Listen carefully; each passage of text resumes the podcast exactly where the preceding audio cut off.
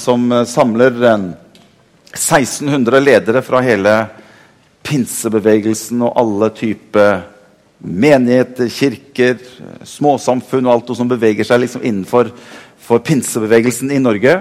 Og eh, det er veldig inspirerende å være sammen med så mange ledere som står sammen om å bygge Guds rike i, eh, i Norge. Og det er, det er som Rune sier, at halvparten av pinsemenighetene i Norge har ikke et oppegående barne- og ungdomsarbeid. Halvparten. 48% har ikke et barnearbeid i kirken sin. Og det ligger oss på hjertet å være med og se til og sørge for å være med og bringe inn noe som gjør at vi kan være med å hjelpe kirker rundt omkring med barne- og ungdomsarbeid, som er så viktig, slik at de kommende generasjoner kan få lov til å være med å vokse opp og lære Jesus å kjenne. Så for å si det sånn, det du får lov til å sende barna dine til i denne kirken her, ja, det er fantastisk. Og det er, øh, håper jeg vi er virkelig takknemlige for. For det er mange som ikke har noe som helst sted å, å uh, ha barna eller ungdommene sine i et fellesskap som det vi har her. Så vi, Det ligger oss på hjertet i hele bevegelsen at målet vårt er at jeg tror det er innen 2020 så har vi et mål om at 100% av alle menigheter, pinsemenigheter i Norge som er innunder denne paraplyen, skal ha et oppegående barne- og ungdomsarbeid. For Vi ser det er så viktig at barn og unge har et fellesskap hvor de kan få lov til å være hverandre å kjenne og lære Jesus å kjenne. Er du klar for litt uh, Guds ord? Bra. Eh, jeg skal dele noe med dere i formiddag som jeg har kalt for, for dåpens betydning.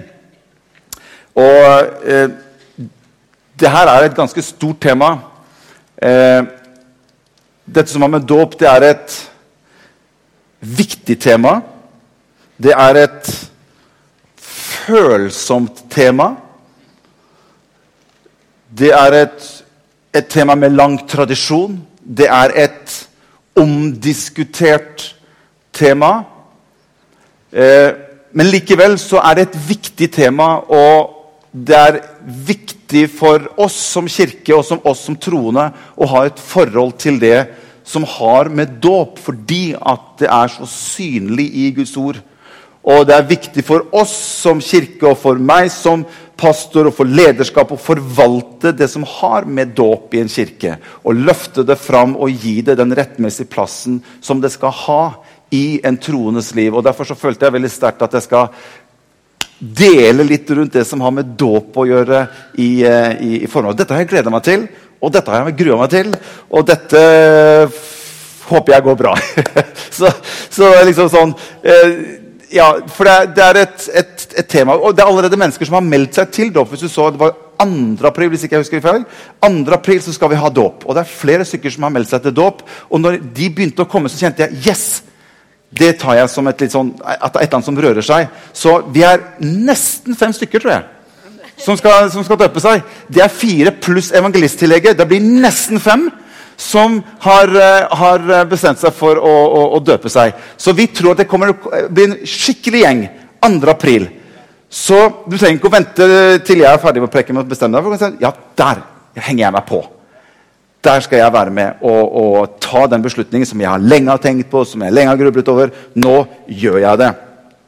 Så Jeg har lyst til å dele litt rundt det som har med dåp å gjøre. For det er helt klart at ut ifra Guds ord så er dette med dåp en helt klar befaling av Jesus og ut ifra Guds ord. Det var derfor vi leste i dette skriftstedet. Han sa, 'Gå ut i all verden og gjør alle mennesker til mine disipler.' Og så sier han, 'Døp dem', sier han.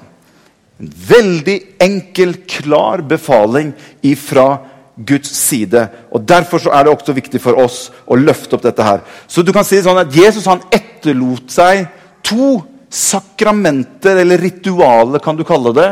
Det ene det er nadverd, som vi deler sammen. Dette sa han at 'gjør dette', sa Jesus, 'til minne om meg', så ofte dere kan.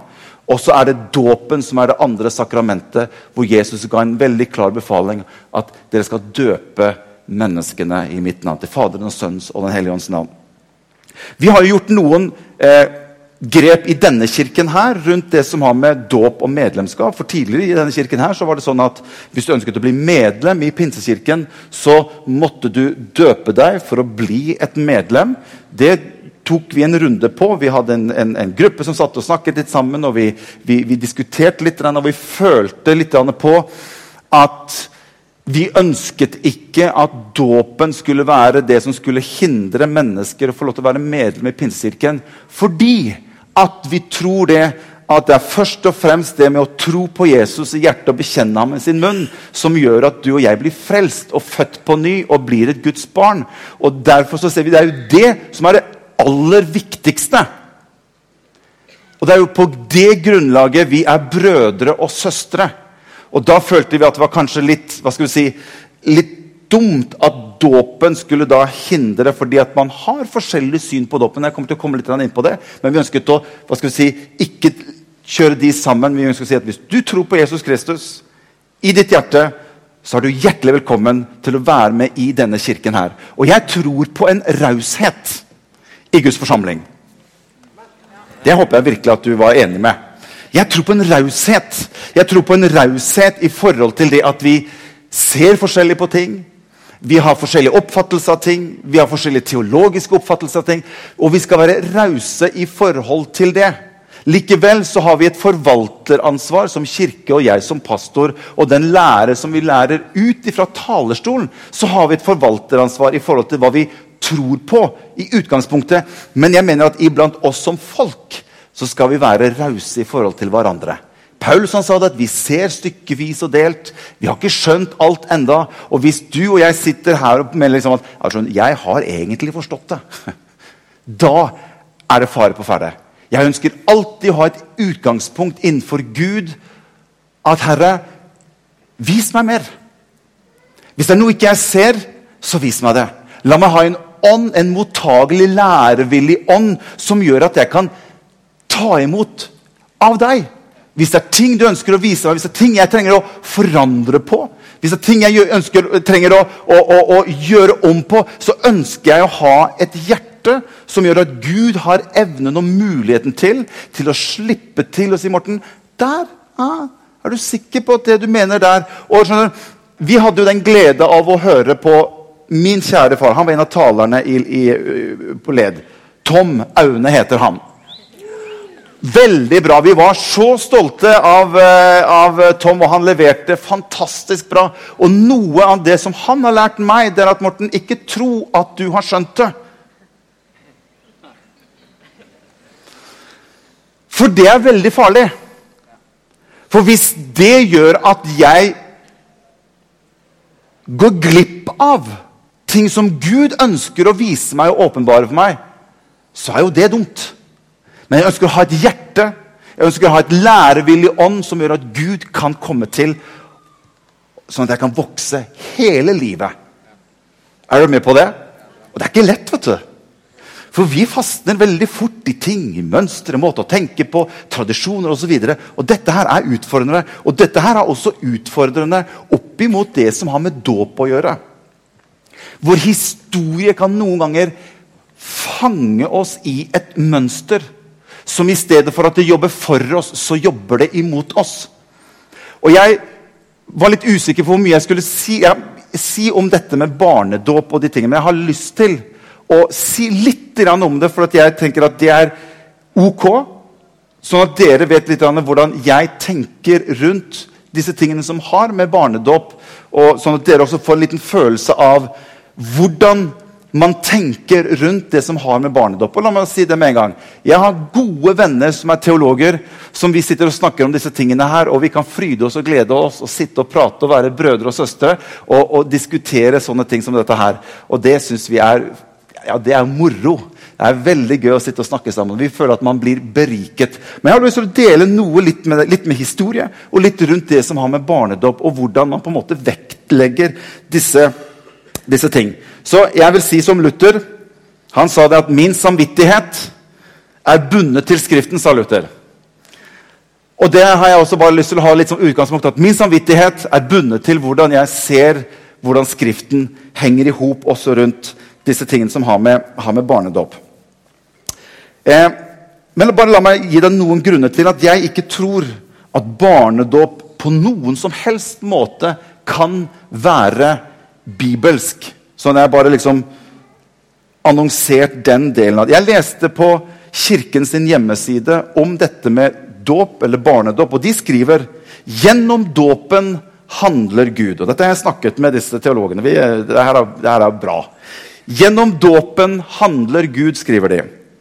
Og så sier de noe som jeg kan ikke ut ifra Guds ord være med på. Så sier de at barnet får Guds frelse.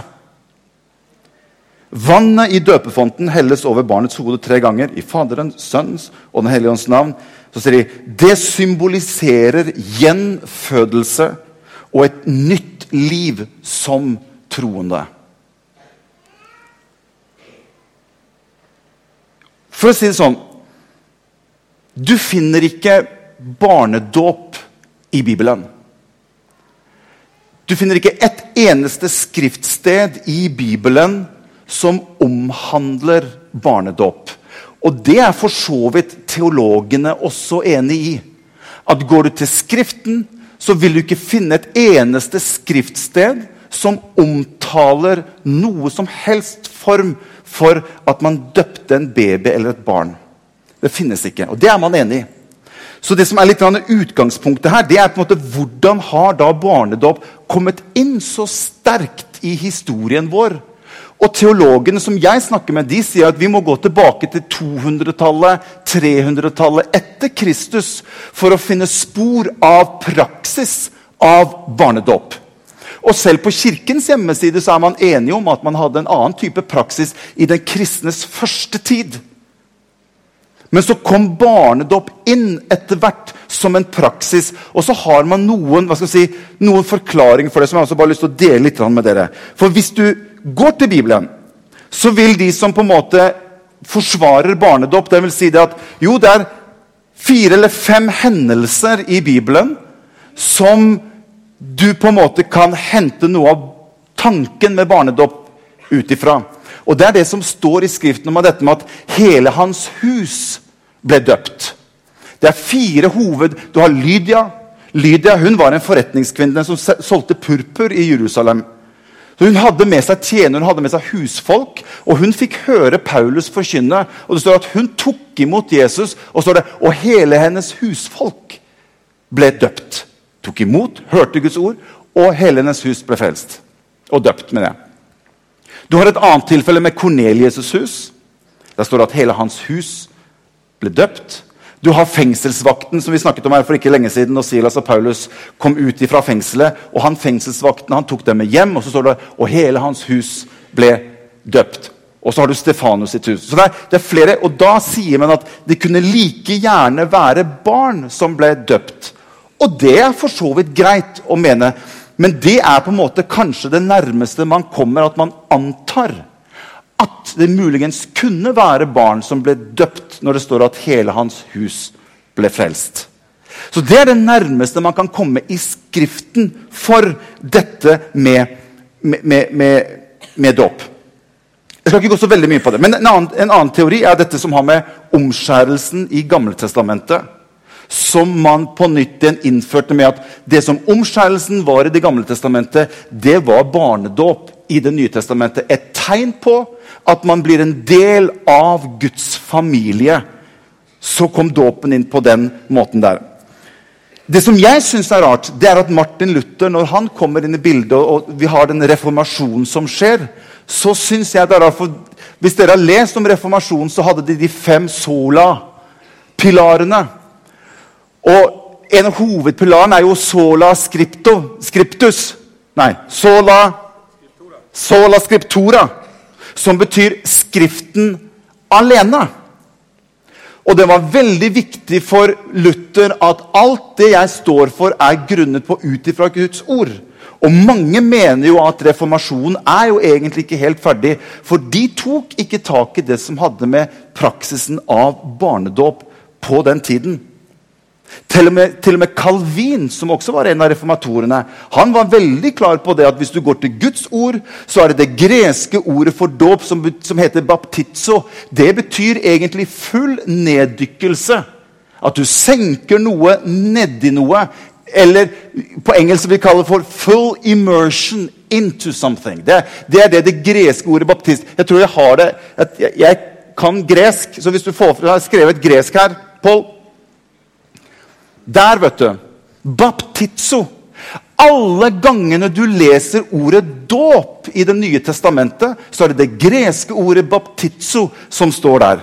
Og det betyr helt enkelt og greit Og Calvin, som selv hadde praksis av barnedåp, han sa det. Ja, det betyr det. Det betyr full neddykkelse. Mange mener det at man rett og slett ikke turte å ta tak i det som hadde med barnedåp å gjøre. Fordi at stat og kirke og barnedåp var så vevd inni hverandre at det var en enorm kamp å skulle ta tak i dette som hadde med stat og kirke. Fordi at det å bli døpt som barn på den tiden var nesten det samme som å få statsborgerskap. De nesten tingene hørte nesten sammen. Så det å begynne å røre borti stat og kirke, det var ikke en enkel utfordring. Det som skjer det er at Når Martin Luther oversetter Bibelen fra latinsk til tysk, så begynner jo folket å lese i Bibelen. Og dem begynner jo å oppdage dåp. Og da dukket det opp noe som heter Kanskje dere har hørt om anabaptistene? Anabaptistene de begynte å lese plutselig Bibelen på sitt språk og begynte å se at her er det jo snakk om en annen type dåp. Og de begynte å døpe mennesker. Anna betyr jo om igjen. Så selv om de var døpt som barn, så døpte de seg. For de ser jo ja, men Skal vi lese Skriften, sola scriptura, så er jo det som står her, det er jo egentlig full neddykkelse. De fikk en enorm etterfølgelse. Både stat, kirke og til og med den protestantiske reformerte kirke etterfulgte anabaptistene. Og de ble faktisk torturert fordi at de døpte om igjen. Vet du hva de torturerte de med? De druknet de.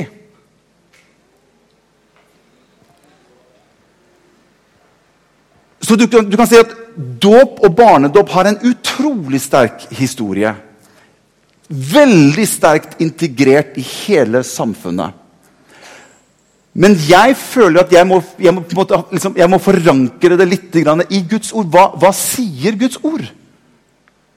Og hvis det eneste argumentet jeg har å komme med, er historisk, fordi at sånn har man gjort det, da føler jeg, da står jeg på svakt grunnlag i forhold til sola scriptora.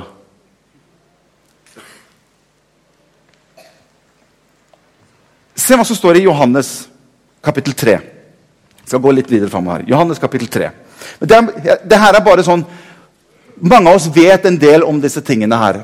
Men jeg bare vil at du skal vite at jeg jeg vet, har satt meg en del inn i disse tingene her. og Likevel så vil jeg si jeg har utrolig respekt, og det skal vi ha, for at andre kan se annerledes på ting. Jeg ønsker bare å være klar i forhold til hva jeg opplever er Guds ord, og hva Bibelen sier rundt disse tingene her. Sånn at dere kan vite litt hva, hva pastoren mener om disse tingene. her. Fordi at Hvis du går til Bibelen, så syns jeg Bibelen er så klar på dette med dåp.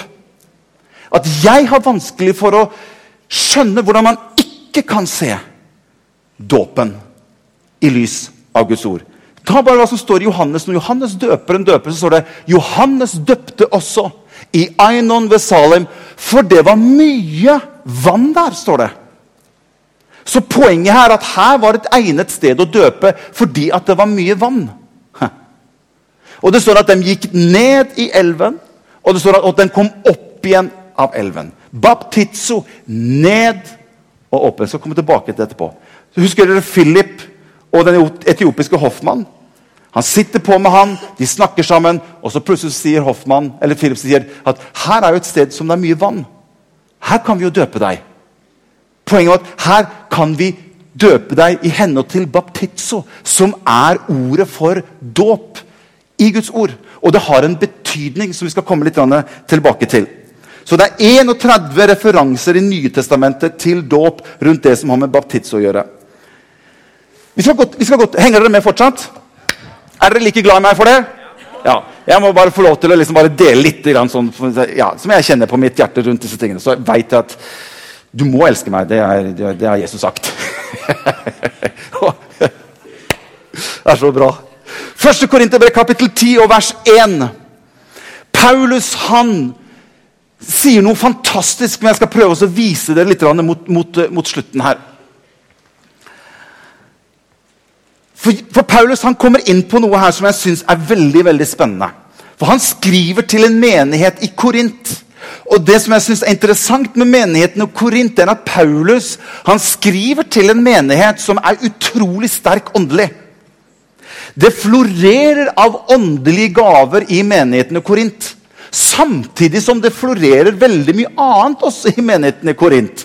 Der holder de på med veldig mye rart av synd og ting som man egentlig ikke skal holde på med. Og Mannfolka jo, var jo inne i disse sextemplene og var jo der. Og Paulus han, han, han, han blir litt urolig for hva som skjer i menigheten i Korint. Åndens gave florerer. Men han trenger at jeg, jeg, må, jeg må på en måte prøve å forklare det litt, hvordan ting henger sammen. Og det som er så utrolig sterkt med Paulus, det er at istedenfor han går inn og fordømmer menigheten og Korint og sier du skal ikke, du skal ikke, så sier han vet dere ikke, sier han. vet du ikke hvem du er? Vet ikke dere at dere er et tempel for Den hellige ånd? Og Guds ånd bor i deg. Da gjør vi ikke sånt. Han snur helt. Istedenfor å anklage, så løfter han dem opp på hvem de er i Kristus Jesus. Vet dere ikke hvem dere er? Dere må få øynene opp for hvem dere er. For når dere begynner å se klarere hvem dere er, så vil det være med å hjelpe dere og holde dere på den veien som Den hellige ånd ønsker at dere skal leve på. Amen? Så her skriver Paulus noe veldig bra. Han sier det. Dessuten, søsken vil jeg ikke at dere skal være uvitende om at alle våre fedre var under skyen. Alle gikk gjennom havet, sier han. Og så sier han noe spesielt. Og alle ble døpt til Moses i skyen og i havet, sier han. Så Paulus han tar og så går han tilbake til noe som har skjedd.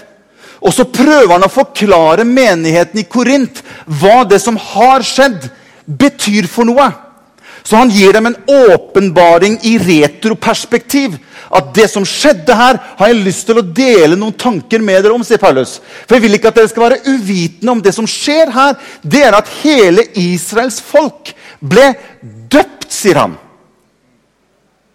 Det som er, det som er litt forunderlig med den historien der, med Israel som er slaver i Egypt. Og Moses kommer inn i bildet. Og jeg hadde egentlig lyst til å vise litt sånn bilder fra der, de ti bud. Husker dere den? Med Moses og uh, med, med, staven som han rekker over. Og, uh, ja, Men jeg fikk ikke tid til det. Men dere, dere kan se det for for mange av dere har sett den filmen. Men det som skjer, legg merke til her Gud frir Israel ut av Egypt. Og det her er viktig at dere får med dere. Han frir dem ut fra Egypt. Og du skulle tro at når Gud leder Israel ut av Egypt, så skulle han ha evnen til å lede dem vekk fra sine fiender. Men han gjør ikke det. Gud leder dem ut av Egypt til Rødehavet. Og med Egypt etter seg så kommer Israels folk opp i en trengt håpløs, umulig situasjon. Enda det var en annen vei de kunne tatt, så leder Gud dem dit. De er jaget av sine fiender. Og hør, her er vi inne på noe som jeg vil at du skal se. De var fri fra undertrykkeren, men de var likevel tilgjengelig på en helt annen måte for farao. For han setter etter Israels folk. Og de står ved Rødehavet, trengt opp i et hjørne. Og de vet ikke hva de skal gjøre for noe. Fienden som de er fri av, han er etter de, og det umulige står foran de. Men jeg tror på en Gud som kan gjøre det umulige mulig. Og det er dette dette Paulus ønsker å vise menigheten i Korint. At her er det noe som skjer, som jeg vil at dere skal se klart. For det som skjer, det er at Gud fører dem ut fra Egypt til Rødehavet. Og så står det at Rødehavet åpnet seg opp. Og Israels folk gikk igjennom alle De visste jo ikke at de ble døpt. De visste jo ikke at dette var et bilde på dåpen. Men Gud hadde en tanke med det som skulle skje. For å kunne vise i ettertid hvordan disse tingene henger i sammen. Og du skjønner, Det er noen ganger sånn med Gud at jeg tror noen ganger så kan vi gå igjennom ting som du og jeg kanskje ikke skjønner akkurat i dag. Hva er meningen med dette? Men når vi ser tilbake på det senere, så ser vi ah, det var det Gud ønsket med at jeg skulle oppleve det. Det var det Gud ønsket at jeg måtte gå gjennom den litt sånn utfordrende tingen der. For når jeg kom ut på andre siden, så står jeg sterkere enn det jeg var før jeg gikk inn i situasjonen. Så noen ganger så må du og jeg stole på at jeg skal være med dere alle dager inntil verdens ende. Er dere her? Nå preker jeg bedre enn du responderer. Det bare sier jeg deg, altså. Så hva, hva, er det Paulus prøver å forklare her? For han sier noe og forklarer noe som ikke har vært forklart noen gang før. Han tar tak i en episode som Israels folk kjente veldig godt til. Og han prøver å forklare dem noe. At de ble døpt i havet.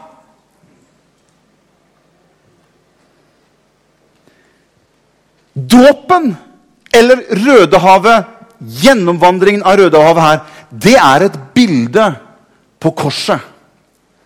Nå skal jeg bare skal jeg summere noe litt opp for deg, så du får se hva dette her er for noe. For dette her er kraftige saker. Jesus han ble døpt av Johannes døperen. Etter Jesus er døpt av Johannes døperen, så sier fortsatt Jesus jeg har enda en dåp, sier han. Jeg skal døpes med. Hva er det Jesus refererer til? Han refererer til korset. Og det ble så klart for meg når jeg satt på en måte og leste disse tingene her. Korset og dåpen er det er akkurat nøyaktig det samme. Dåpen er et bilde på korset. Død, begravet og oppstått. Så når Gud leder folket til Rødehavet så er de fortsatt, fortsatt jaget av sine fiender. Og her tror jeg det er noe som henger i hop. Noe som jeg tror er veldig sterkt med dåpen. Det er at jeg tror det skjer noe når Rødehavet åpner seg, og Israels folk går gjennom. Hva er det som skjer?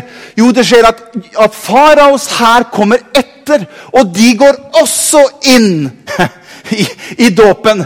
Men det som ikke ikke var av Gud, det kom ikke opp av vannet. Men det som var av Gud, det ble liggende igjen nede i vannet.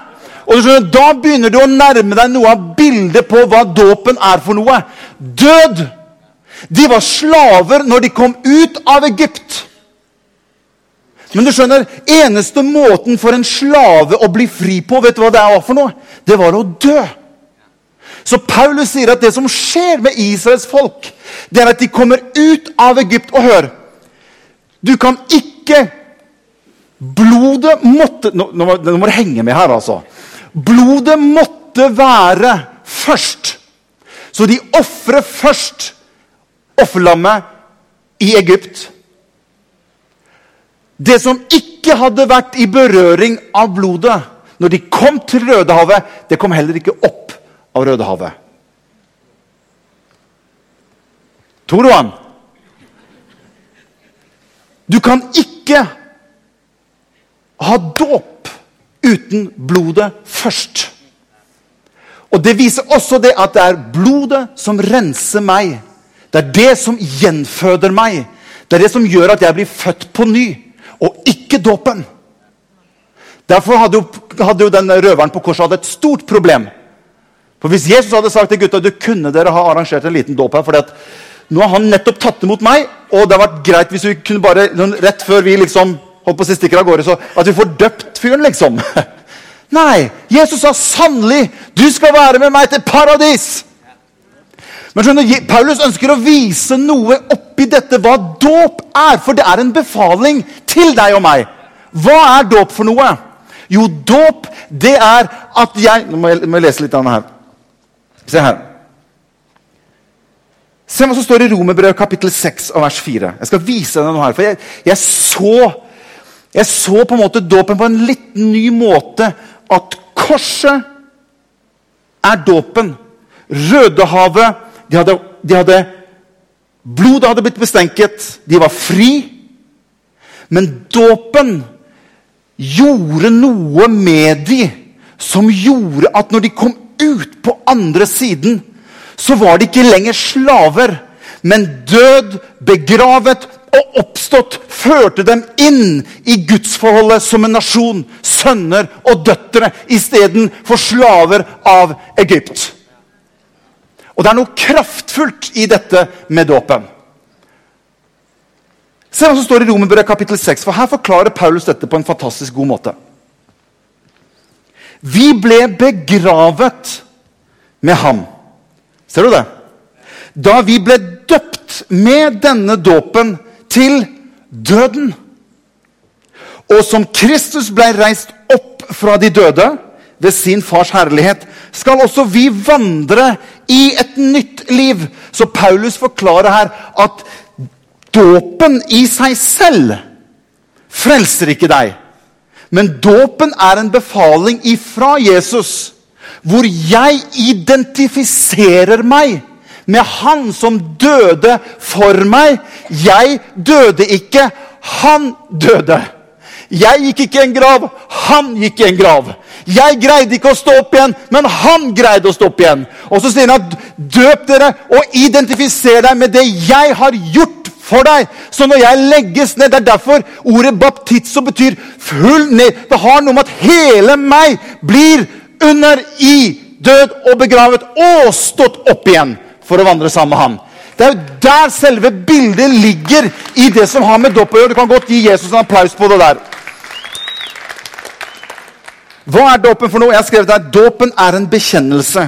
Så skal jeg gå ned litt i tonalfor, for nå merka jeg at det var litt høyt oppi der. Så nå, så nå går vi litt ned igjen, så vi på en måte blir litt folkelige her. Voldsomt av roping, altså. Det er helt unødvendig. Hva er dåp for noe? Jo, jeg har skrevet at Dåp er en bekjennelse. Det er en ytre bekjennelse for det som Jesus har gjort for meg på innsiden. Det er en ytre bekjennelse for hva Jesus har gjort for meg på, på innsiden. Derfor så oppfordrer vi folk til å ikke hva skal vi si, Derfor så tror jeg på at jeg viser andre mennesker at det som Jesus har gjort for meg, det ønsker jeg å identifisere meg med gjennom dåpen. Det er en sterk bekjennelse i det. Dåpen er et forandringens sted. Jeg har skrevet at De gikk inn som frie slaver, men når de var gjennom dåpen, så kom de ut forandret som sønner. Veldig, veldig sterkt. Kunne sagt mer om, det, mer om det, men jeg skal ikke komme der. Og Det er en identifisering som jeg har snakket om her. I hva det Jesus gjorde. Død, begravet og oppstått. Død, begravet og oppstått. Halleluja. Jeg har skrevet at blodet ble utgitt mens de ennå var i Egypt. For å gå igjennom dåpen uten at blod først var utgitt, det hadde gått dårlig. Blodet er det som kjøper og betaler for vår frihet. Så lammets blod Nå taler jeg litt sånn kananspråk her, men det, det, får bare være. Lammets blod det var signaturen på at prisen var betalt. Alt som gikk ned i vannet, som ikke hadde vært i kontakt med blodet, fant død. Men dem som blodet hadde betalt for, de fant liv og oppstandelse. Fantastisk. Hele faraos her druknet det som jagde meg fra mitt gamle, det kom ikke lenger enn til Rødehavet. Så når jeg kom opp på andre siden, så lå det bak meg. Og jeg syns et skriftsted til sist her. Galaterne 3 og vers 27. Vi kan få opp sangerne og, og, og, og musikerne her. Galaterne 3, 27. Jeg syns det skriftstedet som Paulus skriver her, er så bra. For så mange av dere som ble døpt til Kristus, har ikledd dere Kristus. Det er som, at du, du, du, bare senkes ned i det han har gjort på forhånd, og så ikles du hans fullbrakte verk for ditt liv. For så mange av dere som er bedøpt til Kristus, har ikledd dere Kristus.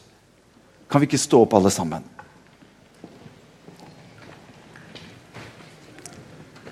Jeg vet at dette temaet her er for mange, eller for noen, utfordrende, og det er følsomt. Og jeg, jeg, jeg vet om det. Men likevel så har jeg også en lyst til Og det, det gjelder dere som har gått lang tid, og som tror på Jesus, men som ennå ikke har tatt et standpunkt om å bli døpt. Jeg har bare et ord til å si til dere. La deg døpe. Bli døpt. Det fins en sterk hemmelighet som Paulus viste oss her, i det med å bli døpt. Det er en sterk bekjennelse av din side. Det er en befaling fra Jesus. Han sa, 'Bli døpt. Døp deg.' Jeg identifiserer meg med det Jesus har gjort for meg. Og det ligger en sterk manifestering i det som har med dåpen å gjøre. Og Når Peter stiller seg fram, så sier folket, 'Hva skal vi gjøre?' Så sier han, 'Omvend dere. Tro på Jesus', sier Peter, 'og la dere døpe'. Jeg tror Noen ganger har vi kanskje hatt for lang avstand mellom troen og dåpen. Men de er veldig tett inntil hverandre. Det er nesten på en måte som det er en sånn de, de, berører hverandre. og Derfor så tror jeg det er en sterk hemmelighet når du tar en bestemmelse for Jesus, at det ikke går for lang tid før du lar deg døpe. Men det jeg har opplevd på innsiden, det ønsker jeg at folk skal få se. Skjønner, Jeg har en ring på fingeren her. Det er et bilde på at jeg er gift. Det er ikke den som er det at vi ble gift. Nei. Dette er bare dåpen. Det er bare et bilde på at jeg er gift. Dåpen er et bilde på det som Jesus har allerede gjort for deg. Og du sier, 'Vet du hva, Herre? Jeg setter den på min finger. Jeg ønsker å bekjentgjøre det som du har gjort for mitt liv. Kan vi ikke lukke øynene våre, alle sammen? Halleluja. Jeg kjenner Jesus er her. Kjenner Jesus er her. Priser deg, Herre. Takk for at du er her.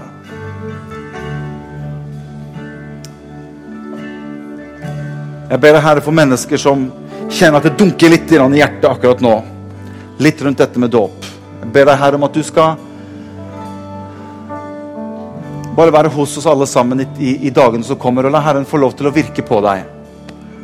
Ikke la likegyldighet hindre det du egentlig vet i ditt hjerte, som du kjenner at Den hellige ånd hvisker om i ditt hjerte. Ikke la likegyldighet stoppe deg. Ikke la stolthet stoppe deg. Ja, du skjønner, Nå har det gått så mange år, nå kan jeg like så godt la være. Nei! Ikke gjør det. Ikke la stolthet få lov til å hindre deg og stoppe deg i å gjøre det som Jesus har bedt oss om å gjøre. Men si, Herre, nå tar jeg steget. Nå ønsker jeg å døpe meg. For jeg ser ut ifra ditt ord at du har bedt oss om å døpe oss. Så far, jeg bare ber deg for hver eneste en her. Jeg ber deg først og fremst om at enhver og en som er her, er født på ny. Hvis du, står, hvis du, står, her og du ikke har tatt imot Jesus til frelse i ditt liv Hvis ikke du har tatt imot Jesus Mens vi står her nå, kan ikke du bare løfte opp en hånd og si at jeg, jeg ønsker å ta en beslutning for Jesus. Jeg er ikke sikker på om jeg har mitt forhold til Gud i orden. Jeg vet ikke om jeg har fred med Gud i mitt hjerte. Så Hvis du er her og du at jeg kjenner at jeg har lyst til å få fred med Gud hvis du skal være her, så har jeg lyst til at du skal bare løfte opp noen som jeg, jeg ser den. Er det noen her? Det er kanskje alle her har tatt imot Jesus. Det er én der. Gud velsigne deg. Er det flere?